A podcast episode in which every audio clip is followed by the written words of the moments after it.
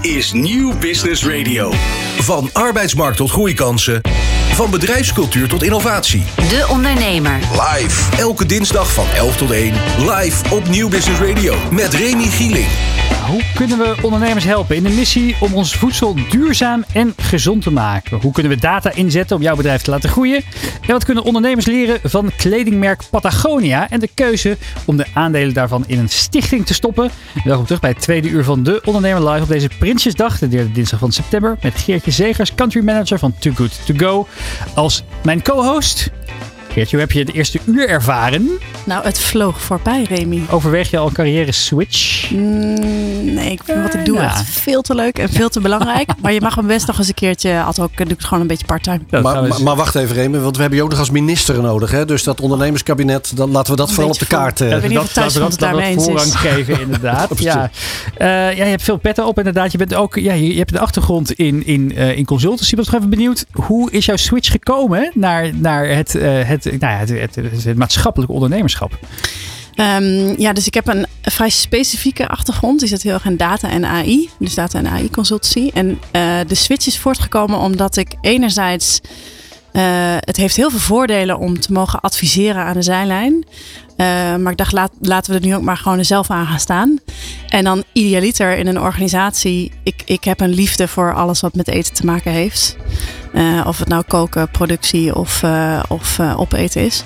En ik dacht, hoe mooi zou het zijn als ik eten, en dan met name iets positiefs in het voedselsysteem, kan combineren met techniek en data. En laat het nou zo zijn dat Too Good To Go opeens op mijn pad kwam. Nou, daar gaan we straks nog verder over praten. Ook over ja, de achtergrond van Too Good To Go. Het is een prachtig initiatief uit eh, Denemarken. Die eh, ja, groeit als kool hier in Nederland en buiten de landsgrenzen. Maar eerst het laatste nieuws. Robert, wat eh, kunnen we lezen op de ondernemer.nl op deze derde dinsdag van september Vandaag publiceren we via de homepage een live blog natuurlijk over Prinsjesdag. En mijn collega's hebben als laatste nieuws eh, over de chemische industrie iets bericht. Ook zij dreigen vastlopen door de hoge energieprijzen. En stellen dat het doorberekenen een steeds groter probleem wordt. Groot verbruiker van energie natuurlijk, eh, Remy, de chemische industrie. Laten we daar heel duidelijk en eerlijk over zijn. En zij dreigen nu ook zelf vast te lopen omdat die energieprijzen door het dak gaan is niet meegenomen, ook voor zover wij weten, in de nieuwe kabinetsplannen. Daar gaat in de miljoenennota vast. En ik denk ook eigenlijk de dagen die gaan komen bij de algemene beschouwingen nog het nodig over gezegd worden. Maar zij zeggen ook, joh. Ehm, dit gaat consequenties ook hebben voor de economie in de bredere zin des woords. Dus niet alleen de chemische industrie wordt geraakt, maar ook eh, alle toeleveranciers en de partijen waar zij weer aan leveren. Ja, de brancheorganisatie VNCI pleit dan ook voor steun van de overheid. Ja, wie niet tegenwoordig. Wat, hoe kijk jij daarnaar vanuit jouw ondernemende blik? We kunnen natuurlijk niet altijd maar aan, die, eh, aan de deuren van de overheid blijven rammelen. Ofwel? Nou, wat ik een hele interessante eh, vond, die is eh, ruim zes weken geleden al voorgesteld door Tuur Elzinga van FNV. Die zegt laten we die prijzenwet uit 1961 eh, uit de la trekken en gaan afstoffen. Want dat betekent dat de overheid inderdaad die prijsplafonds zou kunnen gaan bepalen. Nou, als we daar in de breedte mee om zouden kunnen gaan en de grotere en de kleine bedrijven gelijk daarin kunnen trekken, dan zou er zomaar eens een heleboel problemen opgelost kunnen zijn. Daar zitten natuurlijk haken en ogen aan. Het is niet voor niks een wet uit 61.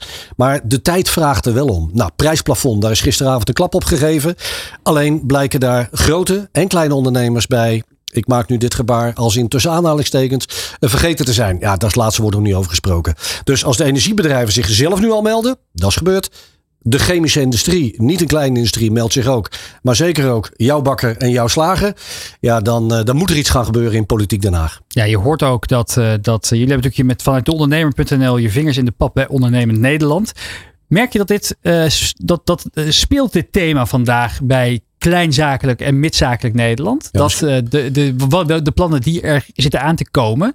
En merk je ook enigszins frustratie over het feit dat er geluiden gaan dat ze inderdaad niet worden meegenomen? Ja, dit, dit is misschien wel het thema waar het om draait. Los van eh, natuurlijk menskracht, arbeidskracht en de 10% wettelijk minimumloon. Zijn dit wel de thema's waar het om draait. Remy, onze mailbox stroomt vol met verhalen van die bakkers. En ook de glastuinbouwers die eh, hun familiebedrijf moeten sluiten. Vanwege die energietarieven. Waar een compleet leven en alle generaties verloren gaan. Eh, dat, ze, dat, dat is tranentrekkend. En dat is echt, geloof me, het understatement van de dag. En dat zijn inmiddels tientallen voorbeelden. En al die ondernemers kijken vandaag naar Den Haag. En die kijken dan naar gisteren. als ehm, eh, Jette in gesprek is met de energiebedrijven. En die horen dan dat ze vergeten zijn. Ja, daar kan het niet bij laten. En daar hebben we de MKB Nederlands en de VNO-NCW's en de ONL's. Die hebben er allemaal voor en die moeten zich nu laten gaan gelden. Het zal ongetwijfeld gebeuren. Maar dit is wel eh, onderwerp eh, nummer 1, Remy. Staat bovenaan de agenda. Ja. Nou heb jij uh, als formateur recentelijk het ondernemerskabinet bij elkaar gebracht. Ja. Uh, met een prachtige bordesfoto bij Paleis Soesdijk. Uh, onze co-host vandaag, Geertje Zegers van Too Good To Go, is een van de ministers in het, in, in, in het kabinet van Annemarie van Gaal als, als premier. Ja. Wat hoop je hiermee te bereiken? Wat, hoe hoop je uh, dat je met dit ondernemerskabinet het echte kabinet uh, in Den Haag kan inspireren tot ja, misschien betere beslissingen? Ja, natuurlijk is het een, uh, instantie als een knipoog begonnen. Hè. We staan op het bordes van Paleis Soesdijk met een lookalike van Willem-Alexander, maar wel met Cor Molenaar, econoom, hoogleraar en wel met Annemarie van Gaal, topondernemer met een enorm netwerk, uh, ook op dat bordes. Maar het zijn stuk voor stuk 14 ondernemers, inclusief Geertje, met een waanzinnig interessante agenda en oprecht goede oplossingen. Dus we willen via dat ondernemerskabinet ook een discussie op gang brengen. En dat gebeurt. Hè? We hebben het net over data. Daar zijn wij bij de ondernemer ook van. Dus we checken de pageviews. Als je ziet wat er goed gelezen wordt, dan zijn het op dit moment, de dag van vandaag, meer over het ondernemerskabinet dan over dat andere kabinet wat nog maar een week geleden een 3,3 kreeg. Dus daar gebeurt iets. Dus laat het verhaal gehoord worden, laat de boodschap gezien worden. En daar zijn we natuurlijk als redactie van de ondernemer ook druk mee om te zorgen dat het bij de juiste mensen uh, op, uh, op tafel komt. En dat gaan we de komende dagen alleen nog maar meer doen. Heb je het ondernemerskabinet al, uh, heb je de ondernemers al gevraagd het ondernemerskabinet een cijfer te geven? En of wanneer ben je dat van plan? Wanneer gaan we een eikpunt nemen? Ja, laten we eerst dan uh, even heel politiek, hè? want daar gaan we het nu over als formateur. We gaan nu eerst zorgen dat het op de kaart komt. En laten we kijken of de politiek Den Haag dit gaat oppakken. En Annemarie van Gaal zei eigenlijk al, dat was heel spontaan. Die zei, joh, Um, ik hoor al die interessante verhalen nu. Laten we over een week of vier nog eens bij elkaar komen. En dan gaan we een hapje eten op Soesdijk in plaats van alleen op dat bordes. En dan maken we een soort regeerakkoord. Maar dan maken we nog één keer dat statement. Zijn we vier weken verder. En dan, Remy, mag je er een cijfer aan hangen. En in alle eerlijkheid, die 3,3, daar moet je toch overheen kunnen lopen.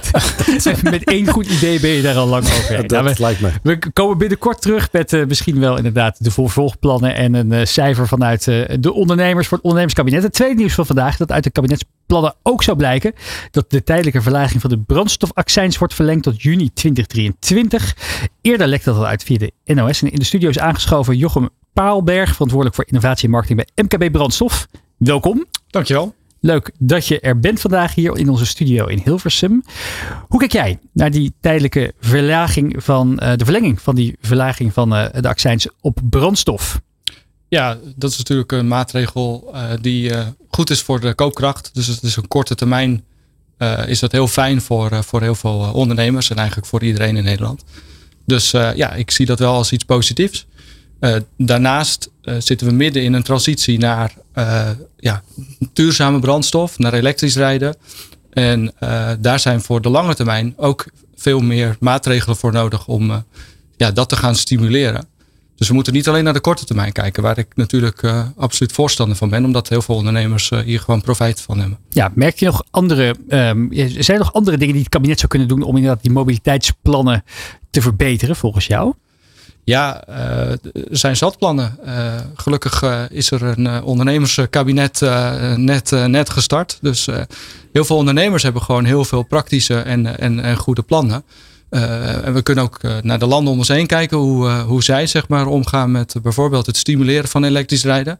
En in Nederland zijn we daar nog best wel, best wel terughoudend in. De potjes om, om elektrisch te gaan rijden zijn heel snel op. Ja, ze komen online en ze zijn alweer leeg. Ja, daarom. Ja. En dat, uh, uh, ja, dat is allemaal, uh, het, zijn, het is allemaal goede bedoelingen.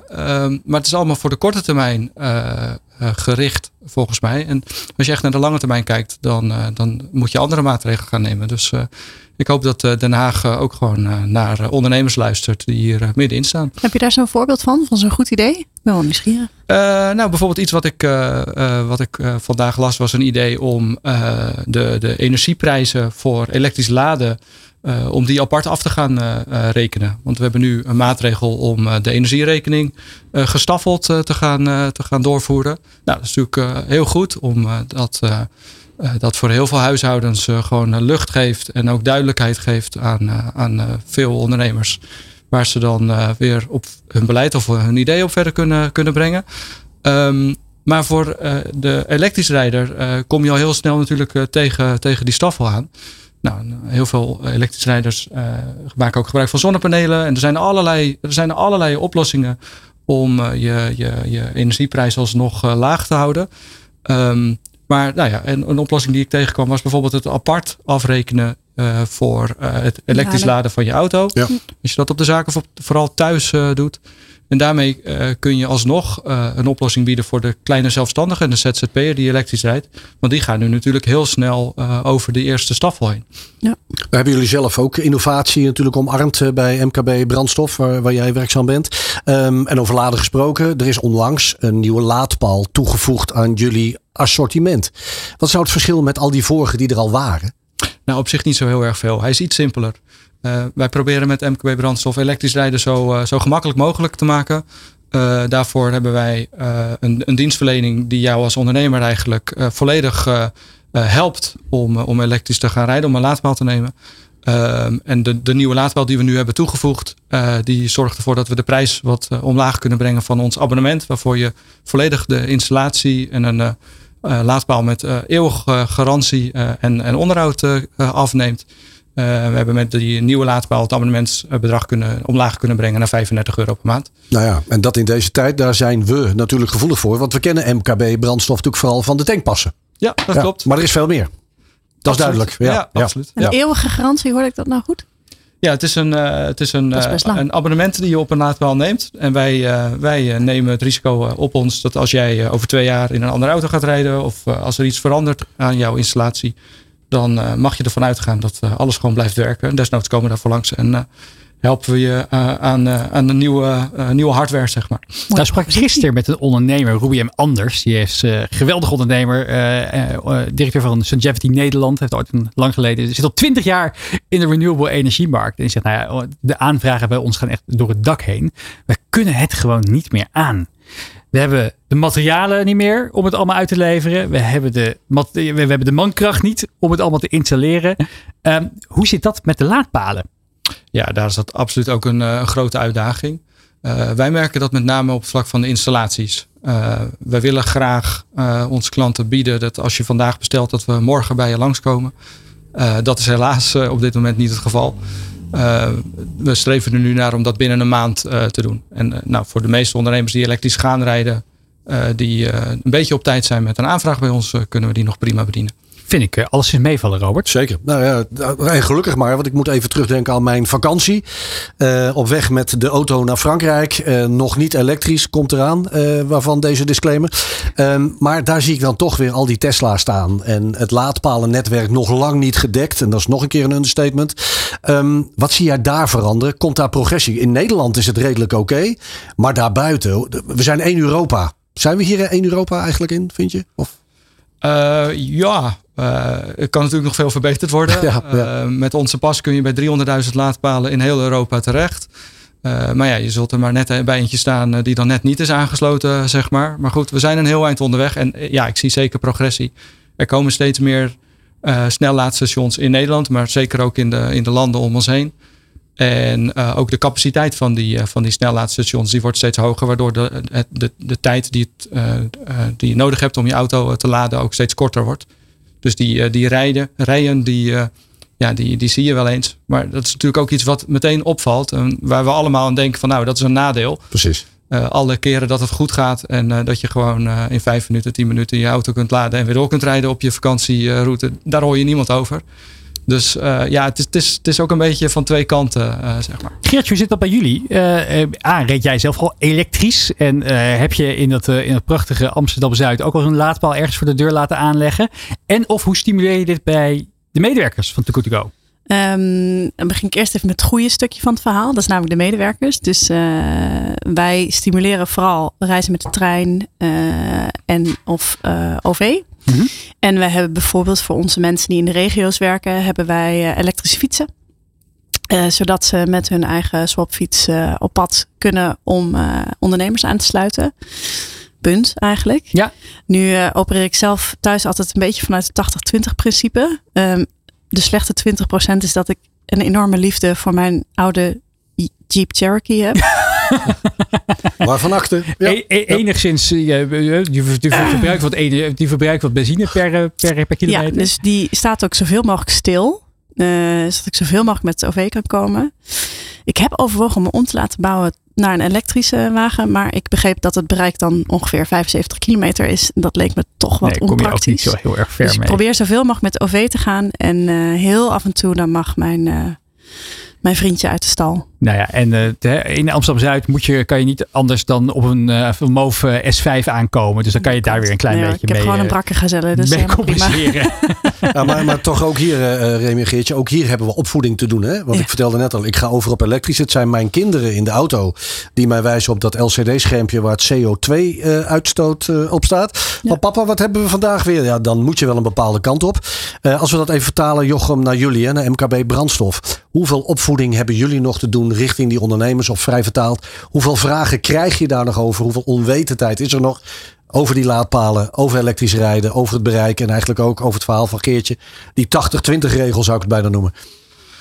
Poeh, ehm, laat, laat ik eerst zeggen dat wij eh 100.000 eh, ondernemers op de weg eh, hebben die onze tankpas gebruiken. Ja. En eh, nog maar een klein deel daarvan rijdt eh, elektrisch. Dus er is nog een, eh, er is, er is nog een enorme overstap eh, te maken. Ehm, en eh, waar ondernemers bij ons voor aankloppen, is eigenlijk eh, voor de oplossing die wij bieden. Dat ze zich nergens zorgen hoeft, eh, over hoeven te maken. En dat het gewoon werkt. En dat wij het voor ze regelen. Dus de, de ingewikkelde vragen, die, die zou je kunnen stellen. Maar ja, je kunt ook gewoon met ons aankloppen en dan hoef je ze niet, niet te stellen. Dus en, en de meeste ondernemers die ik spreek, die, die, die, die hebben het over nou, de, de, de range bijvoorbeeld van de auto's of hoe vaak ze moeten opladen. Maar ja, het is, het is eh, voor, voor iedereen die eenmaal elektrisch is gaan rijden. eh, daar hoor ik alleen maar van terug van ja, dit is eigenlijk eh, veel gemakkelijker dan ik had gedacht. Ik laat hem thuis op. En ik hoef hem eigenlijk bijna nooit onderweg op te laden. Dus het is eigenlijk veel, veel makkelijker dan dat ik van tevoren gedacht had. En als ik de vragen al zou willen stellen, want dat is het bruggetje naar mijn laatste vraag ook aan jou Jochem. Dan komen daar de EV Experience dagen aan, waar MKB Brandstof ook van de partij is. Ja, dat klopt. Eh, de EV Experience op, eh, op circuit Zandvoort. Eh, daar kan je, als je geïnteresseerd bent in elektrisch rijden, kun je proefritten maken op het circuit. Nou, niks leukers dan dat, denk ik. Ik heb zo het ook al een paar keer gedaan. Wij staan daar dit jaar, ik sta er zelf ook, met onze laadpas en laadpaal-experts om vragen van nou, iedereen die daar rondloopt te kunnen beantwoorden. En we laten daar ook onze oplossingen zien, onze laadpalen onder andere. Worden er ook oude jeeps omgebouwd? Dat zie je wel veel. Asking dat for soort, eh, friend. Asking for a friend, inderdaad. Ja, ja. Nou, Je ziet dat wel veel op dat soort eh, evenementen inderdaad. Ja. Dat, eh, dat dat soort aanbieders er ook zijn. Dus eh, wees absoluut Wie weet, welkom. wie om, weet. eh, Over een paar jaar rijd je gewoon met je Jeep Grand Cherokee lekker elektrisch door de straten van Amsterdam. Dankjewel voor je bijdrage hier vandaag. Jochem Paalberg van MKB Brandstof. Graag gedaan. De Ondernemer. De Ondernemer live. Op Nieuw Business Radio. Ja, Brave New Food, het platform voor voedselinnovatie, zet vandaag een nieuwe stap in de zoektocht naar een meer gezonde en duurzame voedselproducten. Met de Startup Challenge 2022 draagt het eh, Food Network zowel innovatieve startups als gevestigde voedselbedrijven uit om samen te werken aan nieuwe oplossingen voor urgente uitdagingen waar onze voedselsysteem mee te maken heeft. Zoals te veel uitstoot, te veel afval en ongezonde eetgewoonten. In de studio, Jesse Lam, medeoprichter van Brave New Food. Welkom in de uitzending. Dankjewel. Leuk dat je hier vandaag bent. Eh, ja, je bent, eh, je bent al, eh, ja, al sinds jaren dag ondernemer, ook in de, in de, in de foodindustrie. Wat fascineert je zo aan deze sector? Ja, wat fascineert me. Het is, de eerste vraag is waarom zit ik in die sector? En dat is gewoon omdat mijn vader in die hoek zat. Ik ben in een familiebedrijf gerold en eh, ik heb me de afgelopen 30 jaar wel eens afgevraagd hoe bewust die keuze was. Maar als je er eenmaal in zit, die, dan, dan, dan gaat er van alles open. En ja, het is, eh, het is een onderwerp van iedereen. Het, eh, iedereen is ermee bezig. Iedereen heeft er een mening over. Het leeft. Het is, het is tastbaar en het is relevant. Dus ja. Welke, welke misconceptions, even een Engelse term erin te gooien, heersen er onder, onder ons mensen als het gaat over die voedselketen? Ehm poeh, eh, makkelijke openingsvraag. Eh, Ja.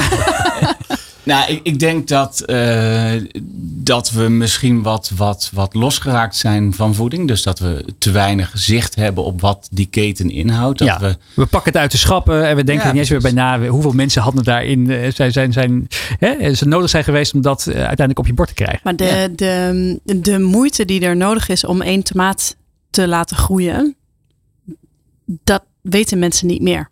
Nee. Dus als je het nou hebt over misvattingen, volgens mij is dat de Nederlandse. Ja, versie. misvatting. Dank je wel hiervoor. Ehm, ik moest ook even zoeken hoor.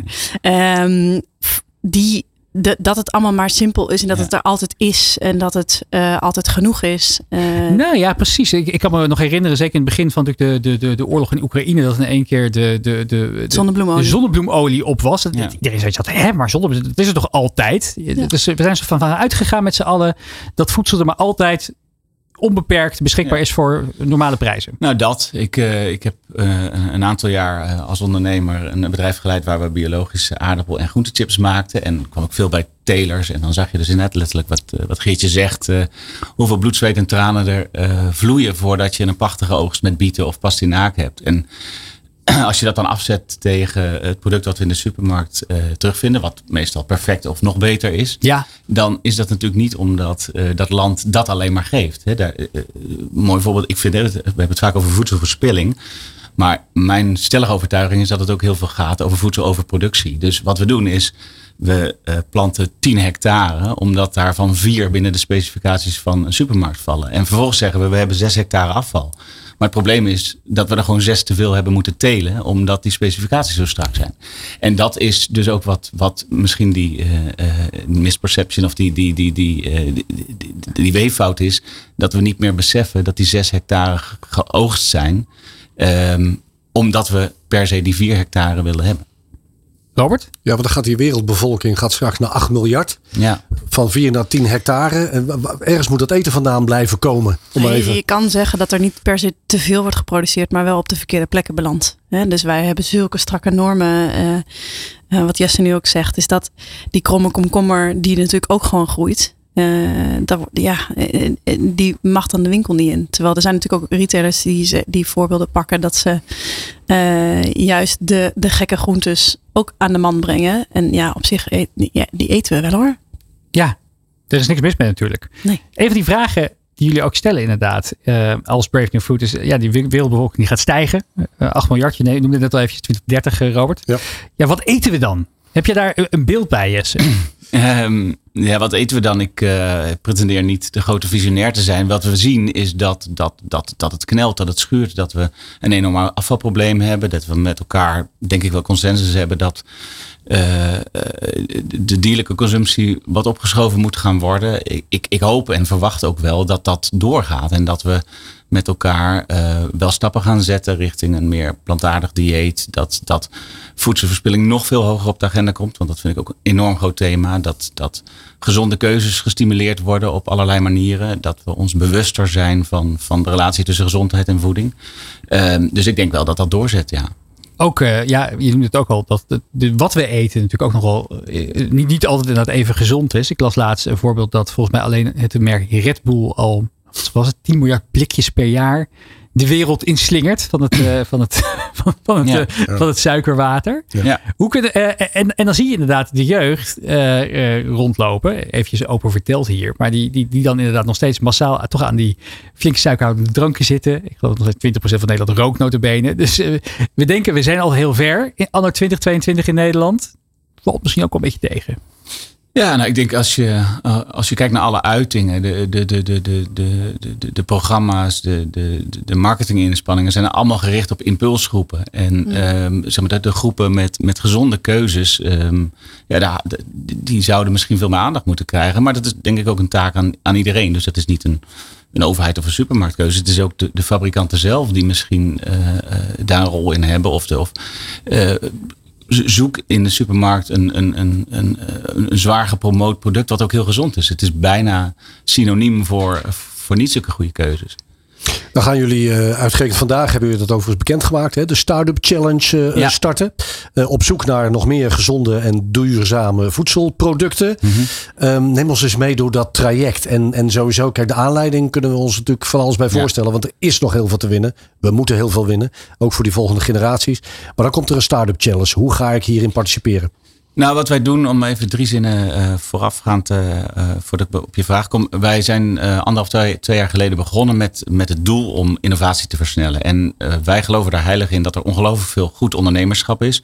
Maar dat er veel blokkades zijn. Dat de weg naar geld, naar kennis, naar markt vaak onoverbrugbaar of in ieder geval heel lastig is voor start-ups. Dus wat wij gedaan hebben, we hebben een platform gebouwd waar we al dat ondernemerschap naartoe proberen te halen en te verbinden met grotere marktpartijen, eh, met name in de voedingsmiddelenindustrie, of die daar een, een, belang in hebben, om hen te verbinden. Dus we hebben partners als uh, Cargill, Friesland Campina, uh, Dirk van den Broek, grote, grote partijen in die voedselketen die geïnspireerd willen worden, die vernieuwing zoeken, maar ook een, een ABN AMRO of doen participaties. Dus ook partijen die vanuit ander perspectief zeggen, ja, dit is voor ons prioriteit. We willen geïnspireerd worden we zoeken nieuwe partijen, we zoeken versnelling. We zoeken ook wat meer disruptieve dingen. Dus dingen die we niet uit onze eigen R&D-afdeling halen. Dus dat is hun agenda. En wij brengen daar, uh, en de ervaring leert, honderden start-ups naartoe die precies dat proberen te bieden.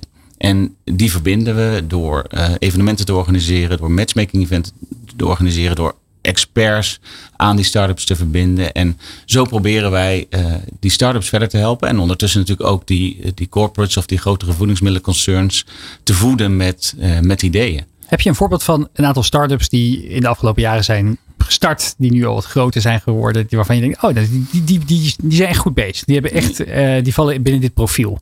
Ja, uh, nou om even aan te sluiten bij mijn buurvrouw. Als het over verspilling gaat. Er zit een prachtige start-up in, in Utrecht die naar de naam Orbisk luistert.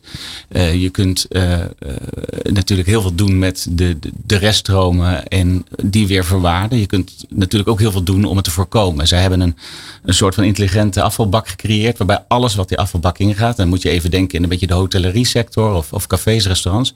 Alles wordt gefotografeerd. Duizenden miljoenen foto's gemaakt. En die data die leidt tot inzichten. Bijvoorbeeld uh, het ontbijtbuffet. We houden altijd X over van dat product, Y over van dat. Dat is op. En ik ga mijn inkoopproces daarop aanpassen. Of ik um, ga mijn positionering aanpassen. Of, nou, dat zijn hele mooie, concrete ideeën van, van een bedrijf wat, wat, wat het heel goed doet. Het is een super mooie technische oplossing. Dus je merkt ook dat wij bijvoorbeeld bij bepaalde cateringpartijen juist samen met Orbis opereren. Ja. Dus dat zij eigenlijk het inzicht uh, geven en preventie uh, doen. En dat het allerlaatste staartje van de verspilling, dat dan bijvoorbeeld naar Too Good To Go gaat. Dat soort technische innovaties zijn natuurlijk fantastisch om ja. uh, inzicht te bieden. Het is ook volgens mij makkelijker geworden als start-up de afgelopen jaren om in samenwerking aan te gaan met grote partijen. Ook zeker in de voedselsector, waar je vroeger eigenlijk alleen maar uh, als grote partij met hele grote marketingbudgetten ook ingangen kon krijgen bij verschillende supermarkten. Zie je nu ook steeds vaker dat startende partijen daar toch ook hun ingangen weten te vinden. Een goede ontwikkeling lijkt me. Nou, zeker. En je ziet ook allerlei uh, coalities of samenwerkingen. Uh, je hebt um, Wild Westland is een, is een, is een, uh, een, joint venture van, van Westland Kaas en Those Vegan Cowboys die heel erg bezig zijn met, met, met, met plantaardige kaas. Je ziet Coroos met Sunt. Sunt verwaart bananenreststromen. Heeft um, een productielijn in oprichting bij een bestaande fabrikant die dan samen optrekken. Dus ja, dat zie je. Ik denk ook dat er enorm enorme, enorme motivatie is bij corporates om ook veel meer naar buiten te kijken van wat speelt er nou. En soms is dat ook veel sneller dan binnen hun eigen muren vernieuwen. Dus ja, dat denk soms. ik. Dus, en ook vaak niet.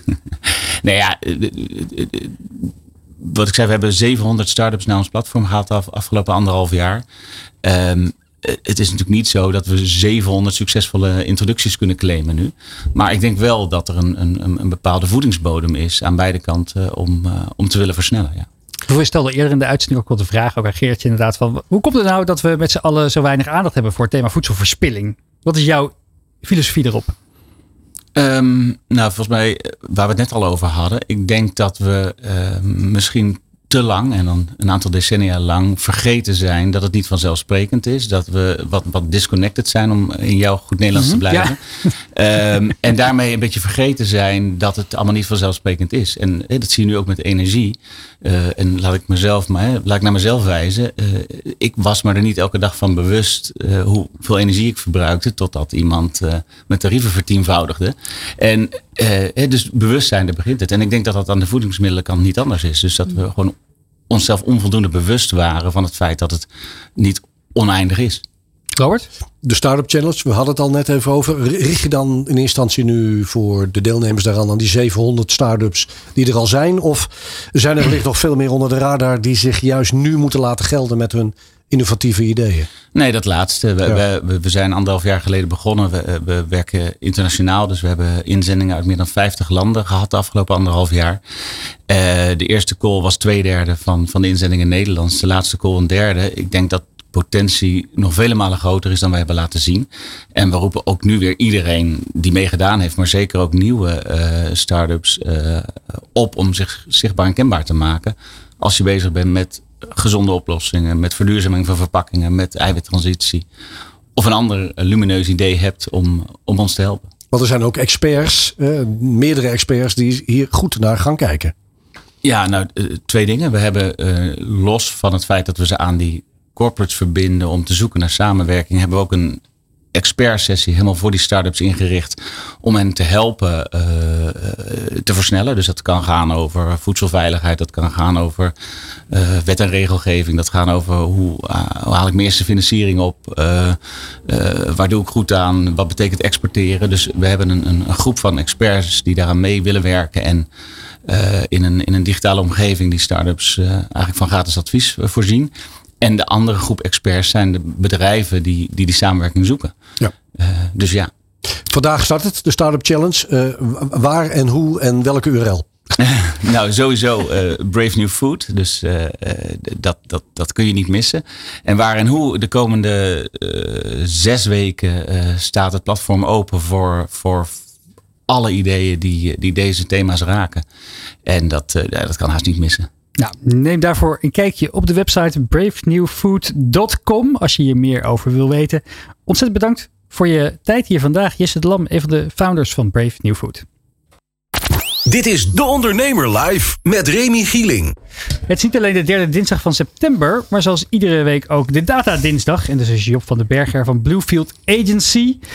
Ja, Job, je bent niet alleen maar eh, eh, ja, eh, data-expert, maar je bent ook minister van data geworden. Benoemd door kabinetformateur eh Robert van Dam.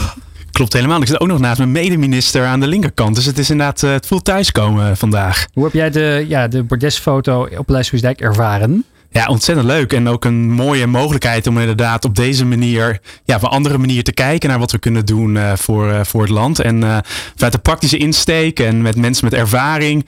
Hele verschillende onderwerpen en expertise. Dus het was ook heel interessant om als ministers onder elkaar ervaringen uit, uit te wisselen. Nou, formateur van de Ham, wat, eh, wat hoopte jij te halen uit de kennis en expertise van, eh, van eh, minister Van den Berg? Nou, ik, ik geloof dat het al heel wat is dat überhaupt data en digitalisering op een digitale agenda staan. Laten we even terugkijken naar corona en hoe we, ik maak weer dit gebaar, de mis zijn ingegaan. Ehm, dat gaat nu niet meer gebeuren met Job van den Berg en onze minister van DND.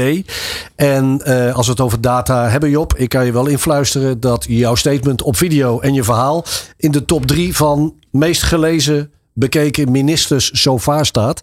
En dat zal eh, straks naar jouw radiocolumn eh, niet anders zijn. Maar dit is natuurlijk iets wat überhaupt, laat we eerlijk zijn Job, in Den Haag toch veel hoger op die agenda moet staan. Veel hoger, veel hoger. En ook vooral inderdaad die kaders scheppen van ja, wat kun je er nou mee? En uiteraard ook stilstaan. Ook in mijn statement komt van ja, uiteraard privacy van burgers voorop. Precies. Verantwoord van AI, algoritmes. We kennen natuurlijk helaas de voorbeelden waar het verkeerd is gegaan. Maar de balans daarin vinden en die kaders stellen. En dan kun je die, die, die kans met data vinden, maar dat ook op een verantwoorde manier doen. Het is tijd voor je wekelijkse radiocolumn. En volgens mij, Job, ga je ons vertellen dat we eigenlijk allemaal data-experts zijn. Ja, want ook jij bent een data-expert. En jij, ja, eigenlijk iedereen, je hoort het goed. En ik weet zeker dat je eigenlijk al heel veel met data bezig bent dagelijks. Maar dat heb je zelf misschien niet door. Want relatief eenvoudige modellen leveren ook vaak al veel waarde op. Maar als ik zeg data, dan kan men geen, nog geen goede voorstelling maken van wat het is. Het is een containerbegrip dat te veel geassocieerd wordt met abracadabra.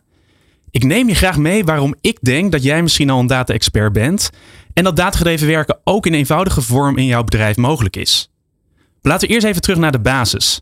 Ik hoef je denk ik niet uit te leggen dat voor een succesvolle business het van essentieel belang is om je klant zo goed mogelijk te kennen. Als je weet wat de behoeftes zijn van je klant en je daar op de juiste manier inspeelt met het juiste aanbod, dan is het fundament gelegd. Hier kom ik meteen bij de essentie van data en dat is de nauwe link van data met een businessstrategie. Data zijn informatie en help je om beter je klant te leren kennen. Het betreft informatie die je omzet naar acties, waardoor je succesvoller kunt zijn. Hoe beter je data zijn, hoe meer informatie en hoe slimmer en gefundeerder je strategie kunt bepalen. Daarom wordt er ook zoveel over data-driven marketing geschreven. Data als middel om slimmer je strategie te bepalen. So far so good. Maar nog niet echt concreet hoe je data mogelijk al bewust of onbewust toepast. Want vaak wordt meteen gedacht aan moeilijke modellen, AI, machine learning of applicaties waar je experts voor moet aanwenden om deze te kunnen doorgronden. Dat kun je natuurlijk zeker doen als je die euro's beschikbaar hebt.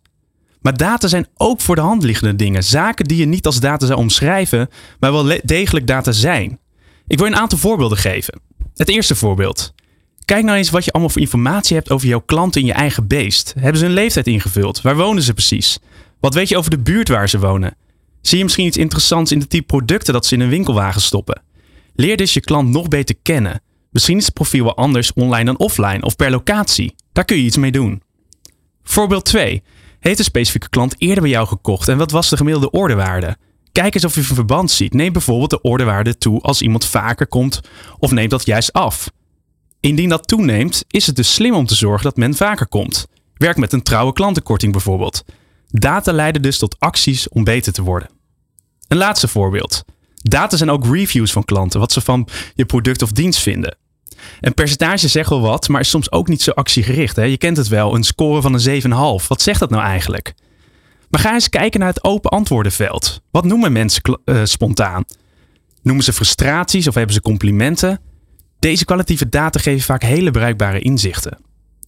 Uit je bestaande systemen kun je dus mogelijk al deze vragen beantwoorden, alleen is daar niet iedereen zich bewust van. En men heeft toch soms last van een data-faalangst, zou ik willen zeggen. Bang om verkeerd data te interpreteren of gooi de hoed al meteen in de ring. Maar toch weet ik zeker dat er in jou een data-expert schouw gaat. En dat je al veel data ongemerkt hebt die zeer bruikbaar zijn. Ik help je er graag mee. Kijk er eens naar en laat je ook inspireren. Nou, wat een prachtige voordracht, Job. Dankjewel. Um, even kijken naar je medeminister. good to, too good to go. Hoe passen jullie data toe in de bedrijfsvoering? Zeker met je achtergrond in de consultancy rondom data science en machine learning. Um, nou, wij kijken heel erg veel naar wat hoe gaat het met onze ophaalratio van uh, tasjes? En uh, Job noemde net al consumer reviews. Consumentenreviews, sorry. Um, en dat is iets waar we bijvoorbeeld super nauwlettend in de gaten houden. Dus onze consumenten zijn extreem betrokken. Uh, beide uh, heel erg positief, maar en soms ook de, de negatieve kant. Dus wij monitoren ontzettend strak wanneer consumenten complimenten of klachten hebben over winkels. Uh, en vervolgens nemen we dan een contact met ze op om te kijken van joh, wat kunnen we daar nou mee? En doe je dat nog handmatig of doe je daar sentimentanalyse op loslaten? nee, dat doen we, nee, we doen geen sentimentanalyse. dus dat doen we in feite nog handmatig. En dat is ook gelijk wel het vervolg. Ik ben blij dat wij naast elkaar zitten, want ik denk dat wij ministers echt zeker wel een goede samenwerking aan zullen gaan. Uh, ik denk dat wij nog veel meer kunnen met onze data. Job, volgende week ben je weer terug met een nieuwe voordracht. Weet je al waar je het over gaat hebben? Zeker over data, uiteraard. Uh, en, maar denk vooral voorbeelden nog meer noemen van hoe breng je nou in de praktijk? Ik zag laatst ook een aantal een hele mooie voorbeeld ook bij de ondernemer over de ijsjes. En uh, hoe het daaruit komt. Voor mij ook heel goed lezen, word ik heel blij van. Want dat is data, daar, daar kan meer over gelezen worden en uh, van geleerd worden. En ik, uh, volgende week kom ik ook met zo'n voorbeeld. Zo laat ik dat Voorbeelden uit de praktijk. Dat gaan we volgende week horen op een nieuwe Data Dinsdag. Hartelijk dank wederom voor je bijdrage vandaag. Job van den Berg van Bluefield Agency en minister voor Data in het ondernemerskabinet. De Ondernemer. Live op Nieuw Business Radio. Ja, het zal je niet ontgaan zijn. Patagonia-oprichter uh, Yvon uh, Chenard. Hoe spreek je deze naam uit? Help me eventjes. Mede Yvon Chenard. Ja, dat doe je goed. Ja, 83 jaar uh, is deze beste man. Hij geeft zijn miljardenbedrijf Patagonia terug aan de aarde. Hij brengt de aandelen onder in een stichting in de strijd tegen klimaatverandering. Een bijzondere keuze, maar niet uniek. Want ja, wie op zoek is naar een eerlijk en duurzaam bedrijfsmodel, die kan steward ownership is uh, gaan ontdekken als mogelijke oplossing. En wat dat is, dat steward ownership en wat je ermee kan en welke bedrijven daar al in voorop lopen. Ja, daar praten we verder uh, over met uh, Gijsbert Koren. Hij weet alles over deze steward ownership revival. Gijsbert, welkom in de uitzending. Dankjewel. Leuk dat je er bent. Even voor ja, de luisteraar en de kijker die het niet kent, steward ownership. Hoe zou jij het omschrijven? Ja, goede vraag. Nou, als je het in één zin zou omschrijven, dan zou je kunnen zeggen dat een steward-owned bedrijf van zichzelf is. En als je kijkt naar hoe Yvon Chouinard dat bij Patagonia gedaan heeft, dan heeft hij zijn bedrijf gedoneerd aan een trust en aan een stichting. En die trust die houdt alle aandelen met stemrecht en heeft als doel om de waarden en onafhankelijkheid van Patagonia te beschermen. Dus uh, nou, die bepalen de koers van het bedrijf, zou je kunnen zeggen. En die stichting die heeft alle economische rechten. Dus die ontvangt de winsten. En die doneert die winsten om klimaatverandering tegen te gaan. Dus ja, wat je eigenlijk bij de meeste steward-owned bedrijven ziet, is dat stemrecht ligt bij mensen die als taak hebben het bedrijf uh, nou, naar een goede toekomst te begeleiden. En winst kan, nou ja, zoals bij Patagonia, bijvoorbeeld volledig gedoneerd worden om, uh, om de aarde te redden. Ja, nou, het bedrijf van Yvon Chouinard is natuurlijk een, uh, een Amerikaanse organisatie. Je zou niet zeggen aan zijn naam, dat klinkt Frans. Maar Patagonia is toch echt een Amerikaans bedrijf. Maar ook in Nederland is dit kennelijk een belangrijk thema. Uit een Global Entrepreneurship Monitor uh, van het jaar nou, rond 2021. die zei, Nederlandse ondernemers worden meer en meer gedreven door het streven een verschil te maken in de wereld. En niet alleen meer om de wens om zichzelf voornamelijk te verrijken. ja, hoe, zie jij, hoe, hoe zie jij daar in de praktijk ja, de, de verandering ingaande? Ja, goeie. Ja, het is eigenlijk heel interessant wat je zegt. Hè. Dus de motivatie van ondernemers is eigenlijk om maatschappelijke waarde te creëren. En ja, als ondernemer wil je natuurlijk dat het onderaan de streep ook knop, klopt, hè, dat je winst maakt. Eh, want dan kun je doorgaan. En natuurlijk moet je als ondernemer zelf ook een goede boterham verdienen, goed voor goed worden voor je inzet en voor het risico. Maar eigenlijk is het heel gek dat als maatschappelijke waarde creëren, als dat een belangrijkere driver is voor ondernemers, dan is het heel gek dat we voor een rechtsvorm kiezen waarin de aandeelhouder centraal staat en niet uh, de missie van het bedrijf. Weet je wel, dat is eigenlijk de kern van, van de spelregels van een BV uh, en van een NV. Dat de aandeelhouder is het belangrijkst en het bedrijf dient de aandeelhouder. Nou, Schriftje um, Zegers vandaag onze co-host, country manager van Too Good To Go hier in, uh, in Nederland. Zij, uh, haar bedrijf ja, is uitgeroepen tot uh, de, de meest inspirerende organisatie van Nederland in 2022. Zou ook andere bedrijven op, Zeepje, Marcel's Green Soap, Tony Chocolonely. Wat zijn nou voorbeelden van bedrijven waar, die, die jou inspireren? Welke zijn, worden goed geleid volgens de steward ownership principes? Vragen mij? Ja, een aantal van deze. Ik denk uh, ik wilde net al zeggen, wat je zag bij die inspirerende 40. De bedrijven die in de top staan, dat zijn de bedrijven die winst en een maatschappelijk doel niet als twee tegenstrijdigheden zien. Maar die zeggen, wij hebben een model en dat hoe, hoe beter wij het doen, hoe beter het eigenlijk is voor de maatschappij of het milieu of noem maar op. En dat is denk ik de crux waar bedrijven naartoe zouden moeten om dat te doen. Henk Jan van uh, Tony Chocoloni die zei ook, wij worden vaak social impact companies genoemd. En hij zei, nou, zullen we anders al die andere bedrijven anti-social companies noemen? Want dit zou toch de norm moeten zijn dat je dat dat inherent is aan je model. Dat het niet een tegenstrijdigheid is. Waarom zou dat zo moeten zijn? Ja, ik hoorde gisteren ook inderdaad een aantal eh, ondernemers zeggen op het podium van, van je hebt inderdaad niet, niet sociaal-maatschappelijke ondernemers, je hebt inderdaad asociale ondernemers en normale uh, bedrijven en uh, de ondernemers erachter. Gijsbert, welke bedrijven inspireren jou? Wat vind jij nou echt voorbeelden van steward ownership-led bedrijven hier in Nederland? Ja, nou een voorbeeld van een jong bedrijf dat nu een paar jaar bestaat is Moonback, een challenger van Booking.com. Zij zijn eigenlijk gestart uh, door de frustratie over uh, de manier waarop Booking.com opereert. En, en Moonback wil een alternatief en eerlijk uh, boekingsplatform worden. En zij passen die steward-owned principes toe. Waardoor ja, voor reizigers, maar ook voor hotels, het duidelijk is dat het niet ja, hè, eerst een mooie belofte is, maar vervolgens precies zo gaat als nu bij Booking gaat. Dus steward ownership biedt voor ja, uh, stakeholders rond een bedrijf, biedt dat dan ook zekerheid. Dat de belofte niet alleen een belofte is, maar dat het echt verankerd is in het DNA van het bedrijf. Vandaag, morgen en overmorgen blijven ze trouw aan die missie. Robert? Uh, ja, want Gijsbert hoort daar dan ook hun keuze bij, want dat, daar ligt jouw achtergrond ook in de crowdfunding. Door niet voor crowdfunding, maar voor sharefunding uh, te gaan bij zo'n bedrijf als uh, Moonback. Ja, precies. En dus voor investeerders kan steward ownership spannend zijn, want de aandeelhouder staat niet langer centraal, maar de missie. Ja, wordt er dan nog wel aan de investeerder gedacht? Uh, dus ja, zeker, er, kan een investeerder gedacht worden, maar toch vinden investeerders innovatie op hun eigen speelveld vinden ze wel heel spannend. En wat je ziet is dat crowdfunders of sharefunders, uh, mensen die achter een initiatief staan, uh, omdat ze klant zijn of fan zijn, ja, die vinden het juist extra mooi, weet je wel. Dat zij weten van oké, deze belofte eh, ja, die ik als fan of klant heel belangrijk vind, die blijft voor de lange termijn. Dus absoluut, crowdfunding of sharefunding passen supergoed bij bedrijven die uh, steward-owned zijn. Job, als je kijkt eh, naar de bedrijven die zich bij jullie melden, hè, bij Bluefield Agency, qua data-opdrachten, kansen die daar liggen, juist op het gebied van duurzaamheid, kunnen jullie daar natuurlijk op basis van data weer heel veel, het woord opvoeding hebben we al een paar keer gebruikt vandaag, heel veel opvoeding doen. Ja, vooral inderdaad het stukje duurzaamheid inderdaad ook business impact maken, wat al net werd gezegd. dat kun je natuurlijk eigenlijk aantonen door middel van, van data. De mate van duurzaamheid, de perceptie van de consument, maar ook natuurlijk meer de harde gegevens van in bepaalde keurmerken die er zijn.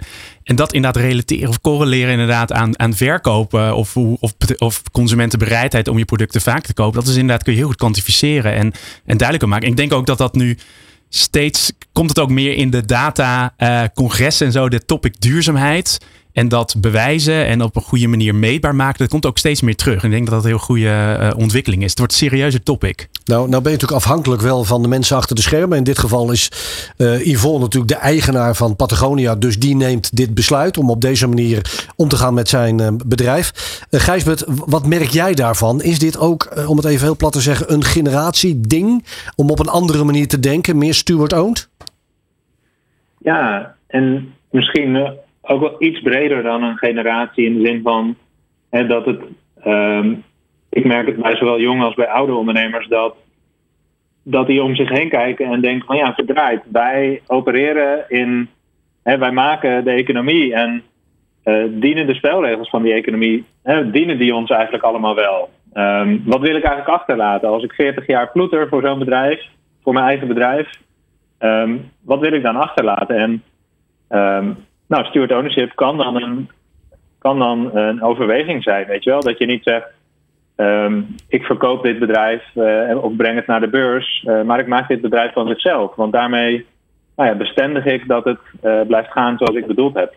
Je noemt net het bedrijf als uh, Moonback als voorbeeld. Uh, vaak ook te zien geweest op de ondernemer.nl en ook te horen hier bij de Ondernemer Live. Als ik op jullie site kijk, wearestewards.nl, zie ik ook niet alleen kleine organisaties, maar ook grotere ertussen staan. Ik noem een Berenschot, ik noem een Triodos Bank, maar ook de Efteling. Wat, uh, wat maakt die bedrijven nou zo'n voorloper? Hmm. Ja, zij kozen allemaal stuk voor stuk op hun eigen manier voor, voor om dat bedrijf van zichzelf te maken. En de Triodos Bank is bijvoorbeeld volledig in handen van een, uh, van een stak, van een stichting, die vervolgens certificaten uitgeeft zonder stemrecht. Dus je kunt in Triodos Bank investeren, maar dan heb je geen stemrecht. Um, een ander voorbeeld is bijvoorbeeld het bouwbedrijf TBI, um, een van de grootste bouwbedrijven in Nederland. En die zijn ook volledig in handen van een stichting. En nou, die stichting heeft als doel de missie van het bedrijf dienen, de continuïteit. Um, maar doneert bijvoorbeeld ook een deel van de winst om, uh, um, hoe heet het, om oude gebouwen uh, te kunnen restaureren, om monumentaal erfgoed te restaureren. Um, dus op die manier nou ja, dient het het bedrijf zelf en dient het de maatschappij. Laatste tip voor ondernemers die denken van hmm, misschien moet ik het ook maar eens hierover gaan nadenken. Ik heb een bestaand bedrijf, uh, maar ja, ik wil eigenlijk ook wat achterlaten voor uh, uh, de generaties en die vele generaties die na mij gaan komen. Hoe kunnen ze een eerste stap maken om ook een beetje ja, van dat steward ownership um, DNA in hun bedrijf te krijgen? Nou, grappig genoeg is het voor sommigen misschien al wat te doen. weet je wel, dus Um, ook als je een niet-steward bedrijf hebt, zolang je als ondernemer uh, of als team van ondernemers het stemrecht en alle aandelen nog bij je hebt, dan kun je helemaal zelf bepalen hoe je onderneemt. Dus uh, de keuze voor steward ownership is dan misschien een hele kleine stap. Um, en dat was het voor, voor Yvonne Journaar waarschijnlijk ook, weet je wel. Hij was al uh, radicaal anders aan het ondernemen dan veel andere Amerikaanse ondernemers. En als je denkt van ja, ik doe het eigenlijk al zo, Um, en hoe wil ik dat het, als ik straks vertrek, hoe wil ik dan dat het doorgaat? Um, nou ja, dan is het denk ik heel interessant om hier naar te kijken. Nou, daar gaan we met z'n allen uh, uh, ja, hopelijk nog heel veel van horen. De komende jaren meer steward ownership, owns bedrijven. In navolging van uh, Patagonia-oprichter Yvonne Chonard en ook vele anderen met hem. Dankjewel voor je toelichting, Gijsbert Koren van wearestewards.nl. En we gaan direct door om te luisteren naar onze huiscolumnist Nico Dijkshoorn. Die wederom in de pen is gekropen. Om eens ja, op eigen wijze te kijken naar al die bijzondere ideeën die vandaag de revue zijn gepasseerd. Ondernemertjes. Deze uitzending vol met barmhartige mensen die zichzelf niet zien als de navel van de samenleving. Die doet veel met mij. Ik luister naar de verschillende gasten in deze show. En ik denk eigenlijk bij ieder onderwerp: Nico Dijkshoren, wat ben jij dan een zelfzuchtige zakkenwasser? Een beetje column stikken in je ochtendjas. Terwijl je dus ook van alle aardappelen die er alleen al gisteren bij het grofvuil zijn gezet een biogas had kunnen ontwikkelen. Waarmee je in 19 uur een appeltaart kunt bakken in een oven die is gemaakt van oude geperste wasrekken. Ik zeg maar wat. Het is nogal confronterend allemaal. Die prachtige drive in de studio om de aarde een kontje te geven richting goed klimaat en minder armoede. Wat kan ik doen met mijn overschot, denk ik nu. Wie zit daarop te wachten? Een gratis weggegeven oude column uit 2004 over de keer dat Jan-Peter Balkenende van een skateboard donderde. Niemand. En dat is de centrale vraag in deze uitzending. Ja, jij, luisterend ondernemertje, hartstikke leuk allemaal. Dat je heel trots bent omdat jouw t-shirt, desnoods gemaakt van geperste oude prei, tijdens een première in Cannes werd gedragen door Brad Pitt. Maar wat gaat de aarde daarmee opschieten? Ja, jij, jonge ondernemende studiogast van volgende week. Heel leuk. Een klein helikoptertje waarmee je naar je werk kunt vliegen. En hartstikke geinig schoenen met een gedicht van je kinderen in de zool. Maar welke hongerleider gaat daar één hap meer van eten? Deze uitzending zet nogal druk op de toekomstige gasten van dit programma. Ik kijk na vandaag anders naar de wereld. Wat zeg ik? Ik kijk nu al anders naar de wereld. Het is Prinsjesdag en ik heb even zitten rekenen en het komt hierop neer. Als je alle rare hoedjes die de vrouwen in het kabinet vandaag op hun hoofd hebben uit elkaar scheurt en opnieuw gebruikt, dan kan je van dat materiaal zes nieuwe tenten neerzetten in Ter Apel voor gevluchte medebewoners van Moeder Aarde. Want zo'n uitzending is dit. Ik zie alles opeens in een ander daglicht. Waarom dragen politici, wanneer ze ergens achter in een tuin zitten te vergaderen over wat iemand van het CDA nou weer heeft verkloot, altijd hele leuke hoodies met een leuke capuchon en waarom draagt Rutte opeens een spijkerbroek dan? Flikker al die pakken waarmee ze door de Tweede Kamer paraderen weg. Doneer ze aan een noodlijdend land. En geniet als je opeens iemand in Cameroen met een koe langs een hut ziet lopen in het oude maatpak van Geert Wilders. Kortom, ik schaam mij als ik luister naar de verhalen van onze gasten. De co-host van vandaag, Geertje Segers van Too Good To Go. Zij is lichtjaren op mij vooruit. Het is niet meer om te draaien en ik bied mij verontschuldiging aan. Ik heb te veel weggegooid de laatste jaren. Maar wie zin heeft in een halve bloemkool, luisterend naar de naam Ricky, kan hem vanmiddag bij mij ophalen. Het adres is bekend bij de redactie. Net als de fietsenmakers van Roots wil ik werkloze mensen een perspectief bieden.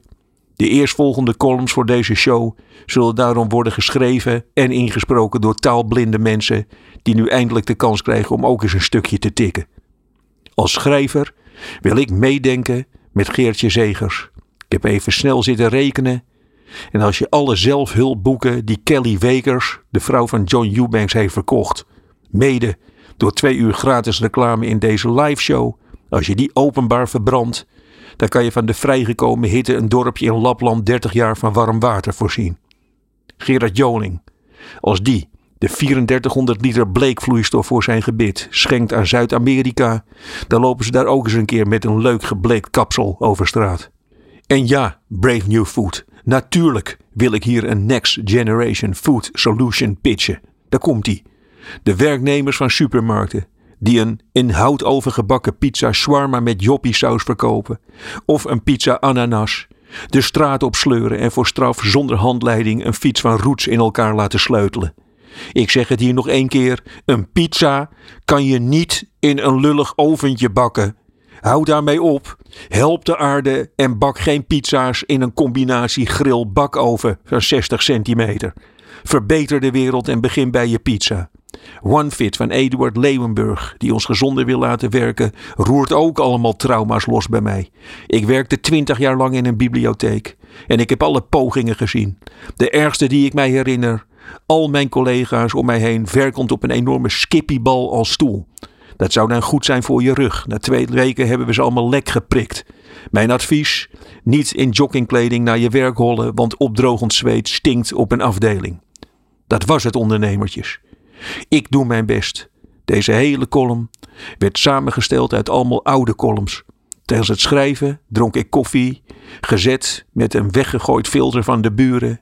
En ik sprak deze column, die sprak ik in door een bekertje met een touwtje dat tussen Leiden en Hilversum werd gespannen. Een hele fijne Prinsjesdag nog. Dood aan de hoedjes. Ja, we gaan eh, eh, afsluiten. Het zit er weer bijna op. Ja, Geertje, hoe heb jij de uitzending ervaren? Twee uur eh, radio maken.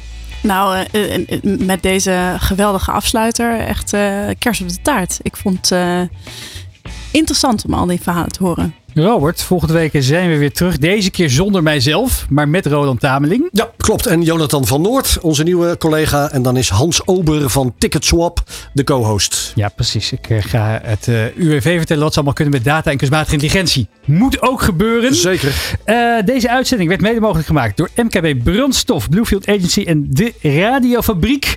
Ja, volgende week zijn we dus terug met een nieuwe De Ondernemer Live tussen 11 en 1. Eh, en deze aflevering kun je terug luisteren en ook kijken via de welbekende podcastkanalen. Maar ook op YouTube en natuurlijk deondernemer.nl. Houd die site ook in de gaten voor al het nieuws rondom Prinsjesdag.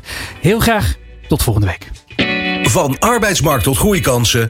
Van bedrijfscultuur tot innovatie. De Ondernemer. Live. Elke dinsdag van 11 tot 1. Live op Nieuw Business Radio.